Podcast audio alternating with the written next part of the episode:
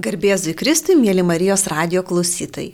Šiandien prie mikrofono sveikinuosi aš, Regina Statkuvinė, o studijoje vieši Marija Keršanskinė, kalba mamos bendruomenės įkūrėja. Taip, sveiki. Mėla Marija, kalba mamos. Internete esančios mamos jau šiek tiek žino apie jūsų veiklą, kitos turbūt nelabai. Bet iš pavadinimo spėju, kad tai yra mamų dalymosi patirtimi, nežinau, džiaugsmais, rūpešiais bendruomenė. Gal galit papasakot, kaip gimė mintis ją kurti? Taip, e, viskas prasidėjo e, nuo tinklalaidės, nuo pokalbių ir tikriausiai neįmanoma būtų apie tai kalbėti be asmeninės patirties. Tai kai pati tapau mama, man taip atrodo, kad gana jauni mes tapom tėvai su vyru. Aš įstojau į magistrą, buvom jau porą metų susituokę, kažkaip labai norėjom sukurti šeimą, anksti mums tas atrodė labai faina, smagu kažkaip būti jaunai susituokusiais, iš meilės ir susižavėjimo didelio apskritai ta kažkaip buvimo kartu, mes kažkaip labai norėjom būti kartu, kuo daugiau ir, ir kažkaip apie šeimą svajojom, mes man atrodo net ten pirmų pokalbių metu juokavom, kad jau ten uh, gal penki vaikai faina ir gražu, nu paskui su realybė, kai susiduri kitaip, pradedi, kaip čia pasakyti, atsiranda daugiau niuansų, sakyk, bet, bet žodžiu tikrai tas ir šeimos ir Klausimas nuo pat pradžių buvo toks. E, aš pati esu iš penkių vaikų šeimos, tai man kažkaip visada atrodė, kad vaikai yra tokia visiškai natūrali ir šeimos sukūrimas, vad kažkaip buvimas mama, labai natūralus gyvenimo toks etapas. E, aišku, kai augau tarp keturių brolių, tai du vyresni, du jaunesni, aš per viduriuką, tai tokia, sakyčiau, gan teko pabūti, nu, kaip tokia, užsikovoti tą vietą. Nebuvo princesė, kurią lepino. aš vis pykdavau, sakydavau, dažniausiai tai visi sakydavo, kad, oi, nu, tai čia kaip princesė tarp keturių brolių, aš sakydavau labiau kaip pelenė. Žodžiu, tai Tai va toks, e, sakau, ta, ta šeima toks buvo. Bet vis tiek natūralus. nesinorėjo, norėjosi didelės šeimos, nes kartais vaikai išaugę mm. gausiasėse šeimuose sako, ne, ne, užtenka vieno, užtenka dviejų, jo norė, norėjosi mm. šeimos didelės. Meluočiau, jeigu sakyčiau, kad visada svajojau apie didelę šeimą, tikrai buvo etapas, kai aš galvojau, kad sunku yra didelė šeima ir kažkaip gal toks ir e, griežtumas tvarka tėvų, kas man dabar atrodo labai normalu, nes kai daug yra žmonių, septyni žmonės, žmonės, po vienu stogu tu turi nustatyti tam tikras taisyklės, kurių laikytis turi ta maža bendruomenė, ne, man atrodo, šeima tokia maža bendruomenė, tai e, tikrai kaip pats tampi tėčio ar mama kitai pradedi truputį žiūrėti.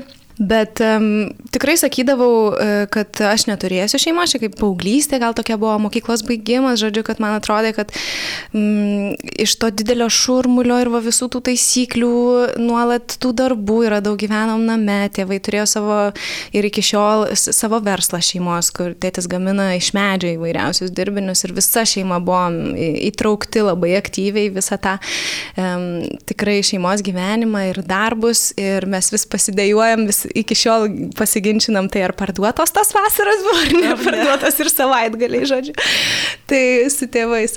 Bet, bet tada tai atsirado tas žmogus, aš kažkaip neieškojau, nebuvau aktyviuose niekada paieškose, man kažkaip aš tikėjau, kad, nu, jis atsiras, kažkaip nebuvo, vat, susirasti vaikiną niekada nebuvo mano kažkoks tikslas, žodžiu, aš kažkaip sukurti šeimą, tai tada, va, kai atsiras kažkoks žmogus, su kuriuo matysiu, kad kažkaip gera būtų, nu va, ir kažkaip atsirado tas žmogus visai netikėtai.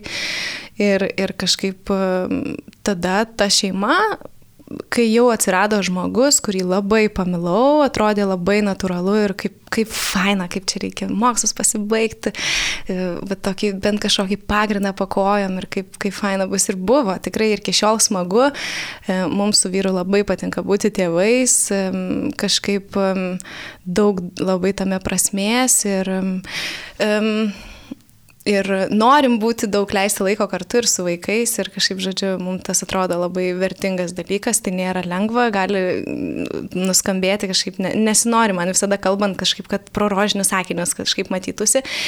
Tai va taip ir gimė ta tinklalaidė, tie pokalbiai su mamom. Mes išvažiavom pagyventi porą mėnesių į Helsinkį, į Suomiją, e, kai sūnui pirmam buvo pusantrų metų. Su vyro darbais e, nusprendėm kažkaip pasinaudoti tą galimybę, e, patirti, ką reiškia tas gyvenimas ir tokia įdomi šalis, niekada tikriausiai nebūtume sugalvoję ten važiuoti, bet po to labai irgi pamilom tą šalį. Ir daug buvo gal tokio buvimo vienumoj ir mokslus nuotoliu pasibaiginėjau, studijavau e, individualiai ir, ir kažkaip norėjau, visada labai mylėjau radiją, kažkaip buvau įstojus tada į analitinės žurnalistikos magistrą ir radijų praktiką atlikau ir bent kokius va trejus metus ir čia Marijos radijų jaunimo laidą vesdavau kažkaip labai pamilus tą va tokią kaip, kaip mediją, tai radijas man kažkaip ir klausydavau labai daug tinklalaidžių, daug labai vaikščiodavau, e, miškuose, parkuose su sunum, nes labai gerai mėgodavo vežimėlį ir labai daug klausydavau visokių tinklalaidžių. Tai tos temos apie motinystę buvo aktualios, nes pati buvau mama ir nieko lietuviškai neradau, tai klausydavau užsienietiškų įvairių. Angliškai, kartais prancūziškai, nes prancūzų baigiau, tai norėjosi ir palaikyti gal tokį pulsą, pasinaudoti progą, kad ne tik angliškai gali pat paklausyti ir tiesiog pagalvojau, kad būtų labai įdomu išgirsti ir paklausyti, pakalbėti su Lietuvos mamom, nes klausant apie įvairiose užsienio šalyse gyvenančių mamų patirtis, pasidalinimus labai irgi išgirsti daug bendrų dalykų. Tas nuostabu yra iš tikrųjų, kad bet kurioje pasaulio šalyje ta motinystės patirtis, kai moterys kalba, labai daug bendro gali išgirsti. Tai tie pokalbiai kažkaip mane ir labai kvėpdavo ir taip nuramindavo ir kad vat, ne aš viena kažką patiriu, kad ne man vienai kokie klausimai kyla e, ir sugraudindavo kažkaip labai tokių ištraukdavo iš vidaus, tokių kertelių, užslėptų kažkokius va tokius vidinius, tokius tokius pamastymus visokius ir galvoju, labai įdomu, kaip Lietuvos mamos tą motinystę patiria, nes man tuo metu atrodė, kad yra šiek tiek kalbama tikrai apie, apie tai, ką reiškia būti mama, bet e, viskas tai buvo išsibarstę. Man kažkaip, kadangi norėjosi va, paklausyti. Gyvo pokalbio, gyvo kažkur pokalbio. psichologo komentaras, Taip. kažkur mhm. kažkoks straipsniukas, kažkokia laidelė, bet Taip. pačios mamos autentiškai. Ir Marija, sakykit, ką atradot pradėjusi kalbėtis, kokie rūpešio, gal daugiau džiaugsmai, ką patiria Lietuvos mamos? Um, nu, man buvo labai smagu atrast, kad kažkaip um, labai tos patirtys yra ir įvairios, ką ir apie vat, įvairiuose, įvairiuose šalyse sakau mamos, kai dalinasi, bet jose ir yra labai daug bendro. Ir man gal vat, ir iki šiol kalbant ir tas temas kabinant norisi kažkaip atrodo, kad toks jausmas ir man pačiai klausant, nu, vat, kad legalizuoti kažkaip tuos jausmus, tas patirtis, kad um, nėra kažkokio vieno teisingo kelio būti mama, nes ir aš pati, ir iš kitų mamų e, kadangi šiek tiek socialiniuose tinkluose pasidalindavau tokį kaip savo, nežinau, tinklaraštį minit kažkokį turėjau, Instagrame labiau dalindavausi, nes Facebook'e, kai dalindavausi, tai tada man tėvai skambindavo ir sakydavo, gal nereikia taip pat ir kalbėti apie tą motinystę, man kažkaip norėjosi dalintis, nu, kad čia ne tik šypsenos, ne tik... Mm, nežinau, drugeliai ten skraido, kai tas vaikas gimsta ir nušvitimas kažkoks, kad visko yra, nes man atrodė, kad tada aš gal kažkokia bloga mama esu, kad ir liūdėsio yra kažkokio, ir vieniša jaučiuosi, kaip čia gali būti, jaust, jaustis, tu kaip ir nesi vieniša su tuo vaikučiu visada, bet, bet nu, vat kažkokio, kad gal čia bendrystės kažkoks norisi, o kaip vat kito mamom, daugybė tokių klausimų. Ir dar ką aš pastebėjus e, buvau, kad daug labai e, dėmesio yra skiriama vaikui pačiam kiekvienam vaikui, e, daiktams, vežimėliams, e, kaip mankštinti, kaip lavinti. Ir tas šiaip labai natūralu, nes kyla mamom tų klausimų, bet tokia, tie, ta informacija tokia apie motinystę labiau informacinė ir ne apie mamą, bet apie vaiką labiau. O man norėjosi kažkaip atkabinti ir kalbėti su mama, o kaip tu esi šitoj patirtį, ką tau reiškia būti mama, ar tu, kodėl tu džiaugiesi, arba kodėl tau sunku, dėl kokių momentų tau sunku būna. Ir kažkaip... Galų gale tapus mama, tu netampi visą žinančią ir dabar tuo saugusiu, tu irgi keitiesi, mokais ir augi ir tas tikrai ignoruojamas tas aspektas. Taip, taip, taip, taip. Tikrai man atrodo, kad tai yra um, pats savaime didelis pokytis virsmas moters gyvenime ir, ir turi, ką ir man norėjosi. Ir čia tikriausiai gal nesibaigiantis e, procesas yra buvimo mama, tu visada esi mama, kol yra tavo vaikai gyvinas.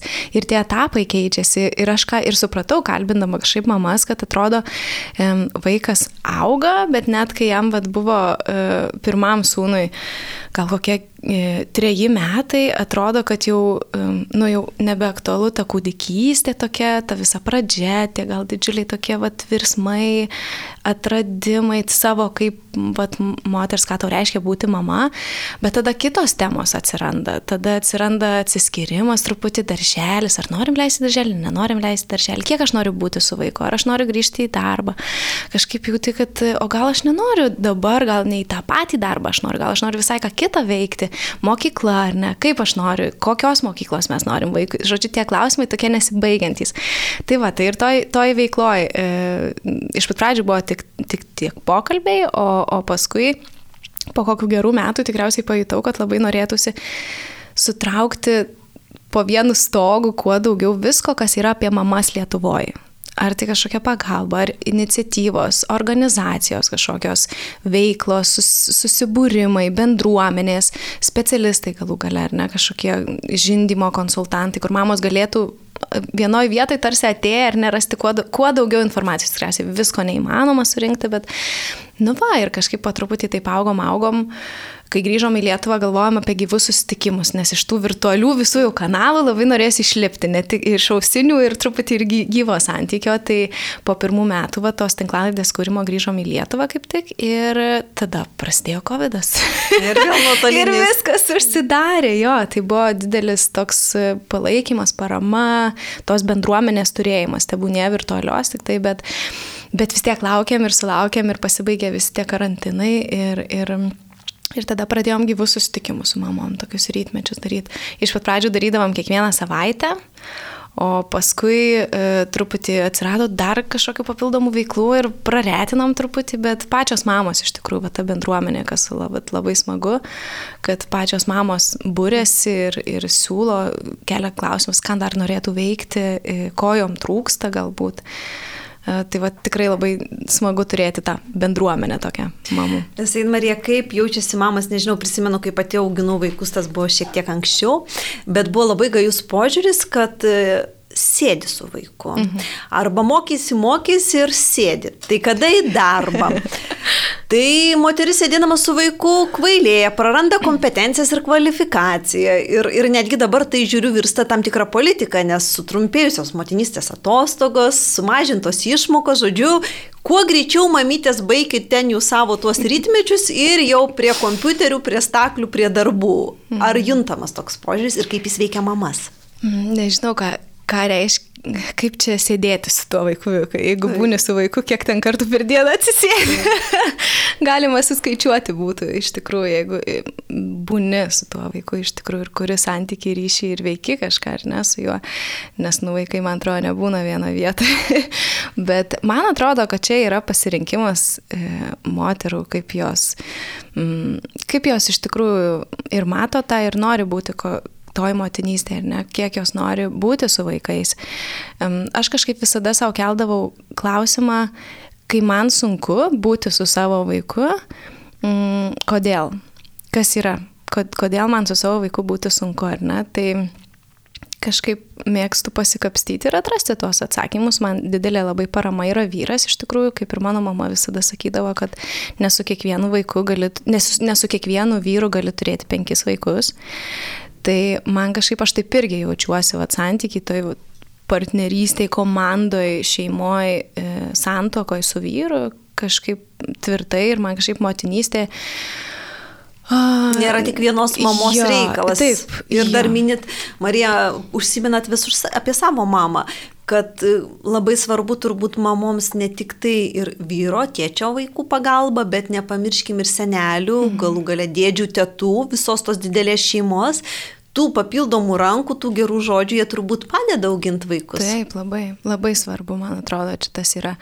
Um, Čia gal tokia liūdnesnė tema, bet jinai visada išlenda. Visada iš tikrųjų, vat, penktus metus pradėjom sukti vat, su kalba mamos jau veiklomis ir labai dažnai išlendanti tema apie tą kad komplikuoti kažkokie gal skaudus santykiai šiek tiek yra vat, su tėvais, su mamom, su anytom, ne, nežinau, gal čia kažkoks re, ga, daug rečiau tenka girdėti, kad tas santykis yra smagus, geras, šiltas, palaikantis, artimas. Nežinau. O kokios dažniausiai problemos? Su, kodėl? Ar to ryšio tiesiog nėra, ar skirtingi požiūriai? Gal labai požiūriai kažkaip išsiskiria ir noras, kad kažkaip atrasti, kad kas geriau, vad gal mano geresnė tiesa arba mano geresnė tiesa, gal kažkaip, nežinau, čia toks, e, man atrodo, kad čia gili labai tema ir jie verta, verta vis sugrįžtam prie jos ir vis pakalbinam ir, ir psichologų, kurie, yra,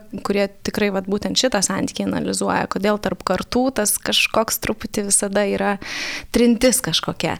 Bet, bet man atrodo, kad tai labai verta e, tiek jauniem tėvam, e, tiek seneliam palaikyti ir kurti ir kažkokius gal paminti truputį ten savo e, už, užsibrieštus, nežinau, kategoriškumus ar kažką požiūrį kažkokį gal patarti tada, kai tavęs klausia patarimo, arba kritikuoti irgi gal jaunesni truputį kažkaip mėgstam pasakyti, kad jūs ten taip ar taip darydavot, mums tai čia mes tai čia jau geriau darom. E, iš kitos pusės irgi girdisi truputį toks, tai va, e, man tai truputį gal gaila dėl to, nes man atrodo, labai didelė jėga yra to ir stiprybė išplėstiniai šeimoje, ko jeigu va, ko trūksta, kalbėtume apie tai šio laikin, šiandien mamoms, tai vat, kad tikrai labai dažnai girdžiu, kad um, dažnai mamos jaučiasi ir šeimos, tokios jaučiasi vienos, vad gimsta tas vaikelis. E... Ir močiutė mm -hmm. jauna, moderni, Taip. turi savo darbą, savo reikalus. Seneliai dirbantis dažnai yra arba toli Taip. labai gyvena. Ja. Ir tas susitikimas yra labiau toks e, šventinis, smagus, atvažiuoti, pabūti, ar ne, ir tikriausiai ir tą santykį sunku su vaikais, anūkais užmėgsti, kai tu neleidi dažnai laiko su jais.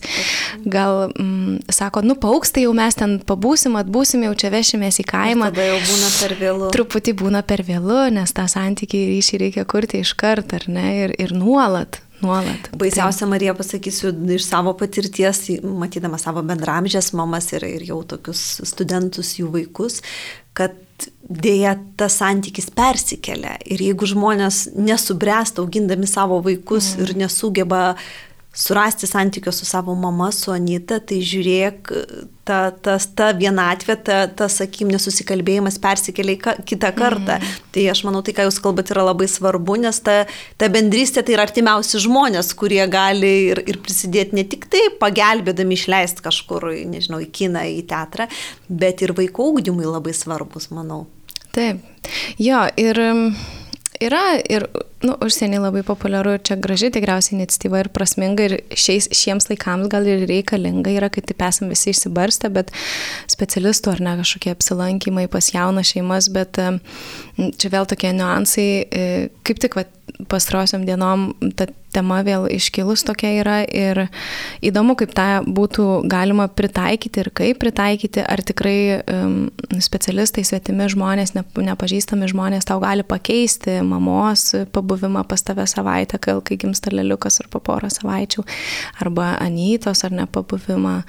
Tai, nu, čia tokie gal irgi gilesni momentai, bet... Um, Bet mamos apie tai kalba, kalba ir, ir jom tai skaudu, aktualu. Kalba, jo. Taip, čia labai labai aktuali. Dažnai iškylanti šitą temą yra jo, tas vat, būtent vat, santykis kažkoks. Ir čia daug tokių yra, kaip lyg ir nenori kištis, e, kaip lyg ir sako, nu, aplankysim, kai sustiprėsit, bet tada susitinki po trijų metų su draugais ten, pavyzdžiui, ne kokiais ir, ir oi, koks didelis jūsų vaikas užaugo. Nu taip, nu, žodžiu, kad toks taip gal norisi padrasinti tikrai žmonės, jeigu turi aplinkoje jaunų šeimų, šviežių šeimų ar ne su mažais vaikais, tai Nebūtina gal brautis, nebūtina eiti tvarkyti namų ir išveisti kreuklių, ar ne, kas šiaip gal kai kuriam šeimom irgi būtų labai didelė pagalba. kai tu kas valandą ar pusantros tik tai ką darai, tai žindai ir keisti, keiti sauskelnes iš tikrųjų. Tai bet galima prie durų palikti ir šilto maisto, ir puodas troškinio, ar sriubos, ar iškepti vištą, ir pabelsti į duris ir atsakyti jums šilto maisto šiandien pagaminom.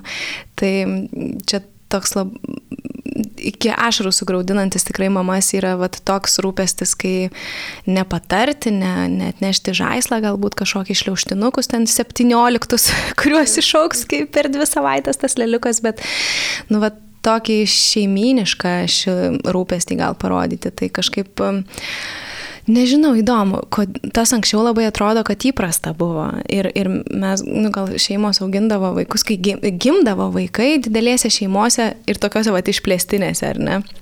Tai čia, čia, yra, čia yra aktuali tema ir kalbam apie tai ir, ir įdomu, va, kaip, e, kaip bus toliau ir kaip, kaip mes tame jaučiamės. Ir kitas dar momentas gal yra, ką mes galim padaryti, kad mums būtų lengviau ir geriau.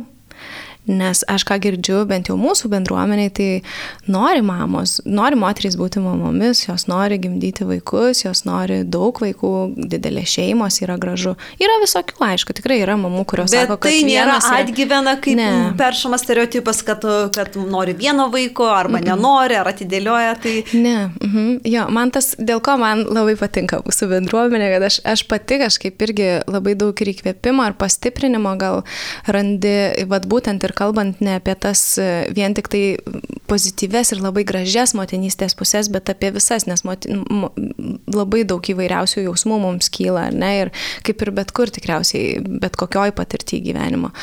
Tai m, kartais anksčiau gal bijodavau dar tas temas liesti, truputį nedrasu būdavo, nes toks jausmas, kad būdavo, jeigu išgirs kažkas, kas neturi vaikų, tai nenorės e, turėti vaikų. Kad, bet, bet pačio mamom tai tie pokalbiai, jie yra, nu, va tokie, kad, oh, kaip gerai, kad ne man vienai taip, arba kad, va, noriu turėti didelę šeimą, bet o kaip čia tada su visais finansiniais e, mūsų resursais suderinti, arba su darbu, arba su vyru, jeigu iš vieno atlyginimo, ne, va, vienas irgi momentas, kad žmonės nori turėti vaikų, jie, nori kurti šeimas, bet anksčiau buvo uh, daug lengviau, įmanomiau ir realu pragyventi iš vieno žmogaus atlyginimo. Arba tik priminsiu šiandien... Mariją, kai, kai mm -hmm. pati aš auginau vaikus, tai vis dėlto gaudavai pirmus metus 100 procentų, antrus 70 ir tu jausdavai sioriai. Du Taip. metai mm -hmm. atlyginimo yra, yra svarbi, svarbi parama mamai ir drąsiau tą antrą ar trečią vaikelį tada. Jo, ir man ko labiausiai, vat, gal prie to klausimo, ne, dar ko trūksta, arba e, kaip jaučiasi mamos, klausėte, ar ne, ten grįžti į darbą, greičiau į darbo rinką. Tai man man ko labiausiai Lietuvoje trūksta apskritai apie viską, kas šeima susiję, kalbant, tai pasirinkimo šeimom. Kad nebūtų pagal vieną kurpalių viskas. Taip. Kodėl, jeigu gal moteris nenori labai greitai grįžti į darbą, gal, uh, gal jie nenori, jiems neparanku, jų šeimai yra, kad vyras pasimtų tuos porą privalomų mėnesių ir ką dabar, Taip. jeigu jų nepasiekia. Nes jeigu moteris neturi darbo, taip. iš esmės sutrumpėja laikas su vaiku, nes jis turi išlaikyti. Ir... Taip, taip, taip. Taip, tai apie viską kalbant, apie, apie, apie leidimą į darželį ar ne, arba galbūt mama norėtų paauginti vaiką ilgiau, bet, um, bet galbūt galėtų būti kažkoks krepšelis, kur šeima galėtų pasirinkti, ar jinai nori pa, panaudoti darželiui arba pasilikti savo, bet būti su vaiku. Ir užsienį tikrai yra ne vienoje šalyje to, tokie variantai galimi ir mes, kai gyvenom Helsinkį, aš tą pastebėjau, nežinau, ar, ar pasikeitė tas ar ne, bet vat, būtent ten man atrodo, kad yra tas, um, kad tu gali pasirinkti arba leisti vaikai darželį, arba tos pinigus šeima pasilieka. Ir aš matydavau labai, labai daug mamų su tokiais pametinukais, arba vienas ūktelė šiek tiek ir kitas leliukas, ir tas ūktelės jau tikrai toks galėtų eiti į darželį, darželio amžiaus vaikas, bet mama būna su tais dviem vaikais kartu ir aš kažkaip ir pradėjau smalsauti, taip, kad kodėl. visi vaikai nori į darželį. Ne, ne visi taip. vaikai gali į darželį. taip, taip, taip. Taip, ir mums šitas irgi labai gyvas klausimas. Nu, mūsų vaikai nori su mumis būti, gal nu, mes irgi norim su jais būti ir tas darželis mums iš tikrųjų tai yra tokia tik pagalba galėtų būti, tik pagalba. Ko irgi trūksta tokio gal kaip pasirinkti, jau nekalbu ten apie perpildytas grupės, ne darželio, kur į 20 vaikų grupę atvesti dviejų metų vaikelį, kiek kiek nu auklėtoja dvi rankas turi, ar ne, tai kiek jinai vaikų gali liūdinčių su mama išsiskirimo metu, ar ne, ten jį paguosti, nuraminti ir tada ateini, pamatai tą vaizdą ir galvoji, ne, gal mes dar lukstelsim porą metų. gal aš tą savo saugų glėbį dar vaikui duosiu, kažkaip čia susidėliosim. Ir tada ieškai būdų, kaip būti, e, kaip e, realizuoti ir tą savo svajonę, didesnę šeimą turėti, ką gali keisti, ką gali daryti, kokios pagalbos, vat, bendruomenę kurti, ne, su, norėtų šeimos, pavyzdžiui, šeimų šeimų darželius kažkokius kurti, ar ne, galbūt penkios šeimos savo vaikus, irgi kas tikrai labai populiariai veikia, pavyzdžiui, žinau, Amerikoje viena mama dalinosi, mes prisiklausom dabar jau visokiausių, kodėl mes tokie reiklus patapom, man atrodo, va, cita, kaip norim būti to šeimo, ir čia visko reikalaujam, gimdymo teisų čia pozų reikalaujam, norim taip gimdyti, norim taip vaikus auginti, norim leisti, norim neleisti, duokit mums galimybių. Nes mes žinom, kad pasaulyje yra labai labai daug įvairiose šalyse įvairiausių galimybių šeimam pasirinkti. Ir galų gale nuo tų galimybių priklauso vaiko ateitis ir Taip. visos valstybės ateitis. Jeigu mes neturėsim Jeigu mamos negimtis vaikų, mes neturėsim valstybės ir visos strategijos, gynybos, tai. ekonominės, jos taps bevertės. Tai, tai čia... man atrodo, kad čia dabar vis dar dabartinės ir tikrai ateinančios valdžios, man atrodo, klausimas vienas iš prioritetinių darbų turėtų būti gal po valstybės saugumo, ne? Tai kaip, paska, kaip sudaryti palankę sąlygą žmonėms Lietuvoje kurti šeimas. Ir... Aš Marija sakyčiau, gal nesvarbiau už valstybės saugumą dėl to, mhm. kad e, saugumas ir yra žmonės. Ir mm. jeigu mes pasižiūrim iš šauktinių skaičius, tai ten, dvi, kai gimsta po 20 tūkstančių kūdikių, tai ką mes po 18 metų pakviesim į kariuomenę, kiek tų žmonių bus tinkamų, kiek, kiek jų galės tarnauti ir, ir tai yra Tai yra saugumo klausimas, bet tai yra pirmiau prieš, prieš visus kitus klausimus. Taip, ir iš tikrųjų, žiūrint į gimstamumą, mes kiekvieną dieną tikriausiai paliečiam tą ir klausimą ir su mamom, ir su bendruomenė, ir su vyru, vat, kodėl, kodėl taip yra, kodėl uh, nenori žmonės gimdyti vaikų.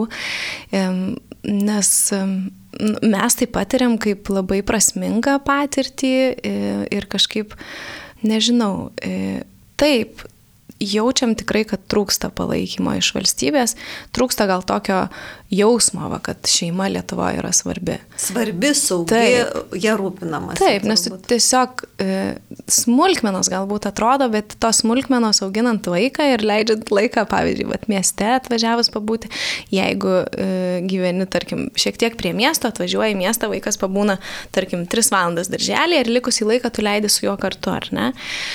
Um, vaikštai mieste ir nu, čia vyresnė vat karta tai pasakys, kad jau čia bėdavojasi dėl smulkmenų visiškų, bet nėra nuvažiavimų, nėra įvažiavimų, nėra erdvių e, šeimom, mamom susitikti, tik tai privačios kažkokios iniciatyvos. Bet kur mamai būti, kur leisti jai laiką su vaiku, Galų kur rasti tą bendruomenę? Parke turi saugot nuo paspirtukų ir dviračių.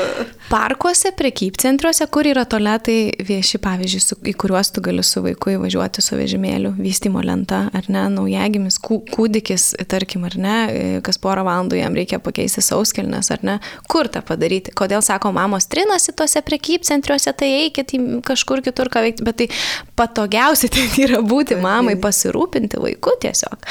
Tai mes dabar irgi iš to Helsinkio parsivežėm labai daug tokių gražių, bet ne kažkokių baisiai prabangių patirčių, bet kad patogu į viešai transportą įvažiuoti, beje, Helsinkį su vaikišku vežimėliu, visas šies, viešas, viešasis transportas yra nemokamas. Tai reiškia, kad pirmin atgal gali visur važinėti į muziejus, į bibliotekas, viską patogiai pasiekti, išvystytas ir trauk, traukinukais iš visų priemeščių veža, tu gali gyventi. Bet labai įdomus palyginimas, mes gyvenam tokiu pačiu atstumu dabar nuo centro Vilniaus 15 km, kaip gyvenom Helsinkį. Tai mes traukinuku nuvažiuodavom ten kas 3, kokias 5 gal minutės minutės važiuoja maždaug gal kartais kas septynės, bet tu gali net nežiūrėti į tvarkaraštį, tu ateini į stotelę e, ir, ir vagonas, visas paskirtas vagonėlis yra dviračiam ir su vežimėliais, arba vaikiškais, arba neįgaliaisiais, toks erdvus, tik tai šonuose kėdės paliktos. Ir mes nuvažiuodavom per 10 ar 11 minučių iki pačio Helsinkio centro. Nu, Vilnių.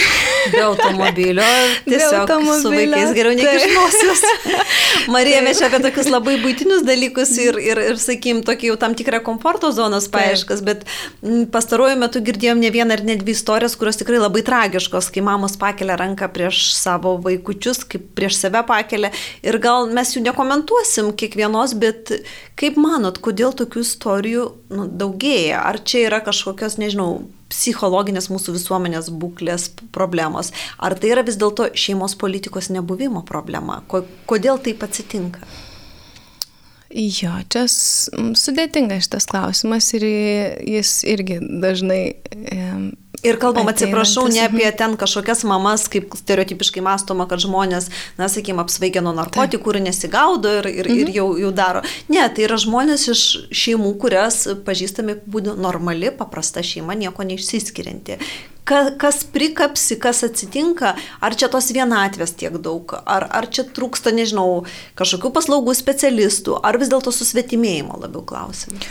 Viskas, man atrodo, ką minit, viskas čia įeina daug labai dalykų ir vat, apie tuos vat, būtinius ar ne klausimus, e, jie patampa, sakau, jie skamba kaip smulkmenos ir galbūt juokingos, bet kai tu išeini į gatvę, vat, į miestą, būti su vaiku, tu labai pastebėjęs, nes tai yra tavo kaip tau uh, būti su tuo vaiku, ką veikti, kur leisti laiką su juo, ar ne? Ir tai patampa labai svarbu, svarbiais dalykais. E, tos erdvės kažkokios, ar ne? Vat kur būti, kur, kaip jaustis mamai ne vienišai, kaip rasti bendruomenę, ar ne? Koks valstybės yra indėlis į tai. Jeigu negeba nieko padaryti, sukurti erdvių, tai galbūt gali remti kažkokias iniciatyvas, tiek privačias verslą, nebūtinai NVO ar ne, bet prisigaudyti idėjų. Labai daug puikių iniciatyvų yra tikrai iš apačios kylančių ir pačios mamos ieško, kaip būti ir kaip padėti kitom mamom. Ir čia, čia aš matyčiau tikrai valstybės vaidmenį, kad um, galėtų labiau domėtis, vat, ką mamos kuria pačios, ko joms reikia užuot, pastiprinti. Taip, užuot iš viršaus kažkokie taip, projektai, kur leidinėti, kur... kas mums atrodo, kaip jūs turėtumėte auginti šeimas. Bet taip, paklausti galų gale, kada ar girdėjote, aš negirdėjau jokios apklausos niekada, manęs kaip mamos niekas niekada neklausė, kai, kokios aš norėčiau, vat, pavyzdžiui, e, nežinau,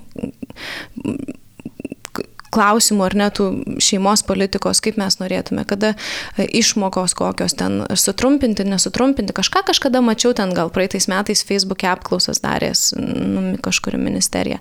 Bet, e, bet kas mamų kada klausia, ar ne, ko jums trūksta, pavyzdžiui, ar ne, miestuose, čia yra savivaldos labai stiprus vaidmuo. E, mes turim labai daug išteklių, resursų, jie yra neišnaudoti tiesiog. Yra bendruomenių namai, yra vaiko dienos centrai, yra visuomenės visuomenės veikatos biurai, ar ne, ten yra erdvės, yra šilta, yra jauku, ten mamos galėtų susitikti, bet jų, jų turi kažkas, man atrodo, kažkas turi atidaryti joms tas duris ir turi būti ten laukiamas, ar ne, o ne nuolat, kad tu trukdai čia kažkur su tuo vaiku. Iš tikrųjų, čia su bibliotekos mažesnės. Bibliotekos, taip. Kultūros centrai. Taip, įvairūs. mūsų, pavyzdžiui, bibliotekos nepriima su mūsų rytmečiais. Nepriima, kodėl? Taip, nes čia yra verslas, tai yra privati iniciatyva. Ai, ir, nu, privati taip, verslas tai yra taip, blogai. Tai blogai toks... yra, taip, reikia. Jo, kas irgi labai ryšku, man atrodo, Lietuvoje, kad apsimoka uh, būti nu kaip čia, ir daryti nemokamai viską ar ne, nenorėti uždirbti, nes tada tau padės. Ir ką pastebiu aš irgi labai, kad visas dėmesys yra kažkodėl į, nu, socialiai, nu, kaip čia pasakyti, socialiai pažeidžiamiausias gal grupės ir tiek kalbant apie šeimos politiką. Aš atsiprašau, kas... kažkur jau labai gerą komentarą, kad yra mm tas dugnas reikalingas, kad žmonės jame būtų vien tam, kad kažkokie valdininkai turėtų pateisinti kuo savo darbą. Kad tai yra tiesiog užburtas ratas, teikiamos paslaugos, pasl o paslaugų teikėjams reikia paslaugų gavėjų, įvairiausi mokymai, pozityvi tėvystė ir daugybė.